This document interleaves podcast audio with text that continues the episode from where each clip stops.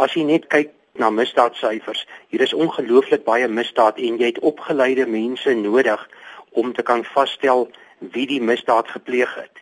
En daarom wil ons probeer om mense op te lei wat op 'n verskeidenheid van fronte kan optree om vas te stel wie die skuldige is in 'n saak. Dit is 'n 3-jarige kursus, dit is 'n BEC graad wat vir jou die basiese inligting gee. Daarna gaan 'n mens begin om op nagraadse vlak te spesialiseer in bepaalde rigtings. Die een wat ons al reeds aanbied, forensiese genetika, dat hulle kan vasstel as jy byvoorbeeld 'n bloeddruppeltjie kry, van wie kom daardie bloeddruppel of in 'n verkrachtingssaak dat hulle kan vasstel wie is die skuldige wat die verkrachting gedoen het. Vertel ons net 'n bietjie meer oor wat hulle gaan spesifiek studeer in daardie 3 jaar. Die eerste jaar is redelike algemene BEC wat hulle volg. Dan in die tweede jaar doen hulle chemie, genetika en forensiese wetenskap. En dan in die derde jaar gaan hulle aan met forensiese wetenskap en dan kies hulle hulle doen of chemie of genetika. In forensiese wetenskap self doen hulle dit wat nodig is om algemene kennis van alles te kry.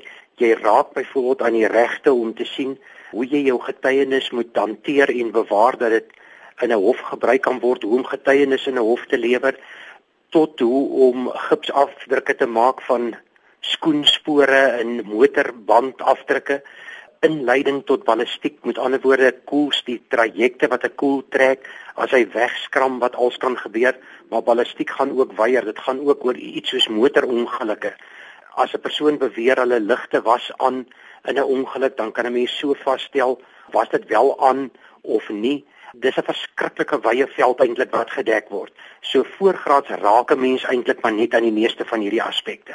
En hoeveel studente gaan julle aanvaar? Ons fasiliteite laat ons nie toe om meer as 80 per jaar te aanvaar nie.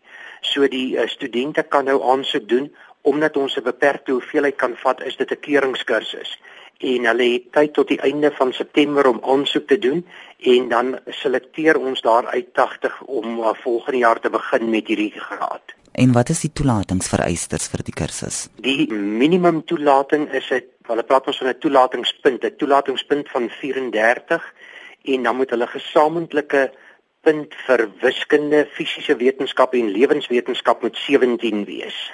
As jy nou klaar is met hierdie kursus, behalwe om vir die polisie diens te werk, waar anders kan jy werk met forensiese wetenskap? Dit is hoofsaaklik in die polisie wat 'n mens kan werk, maar 'n mens kan ook op ander plekke werk omdat jy of genetika of chemie geneem het, kan jy suiwer in 'n chemiese bedryf of in 'n genetiese kant kan jy werk kry.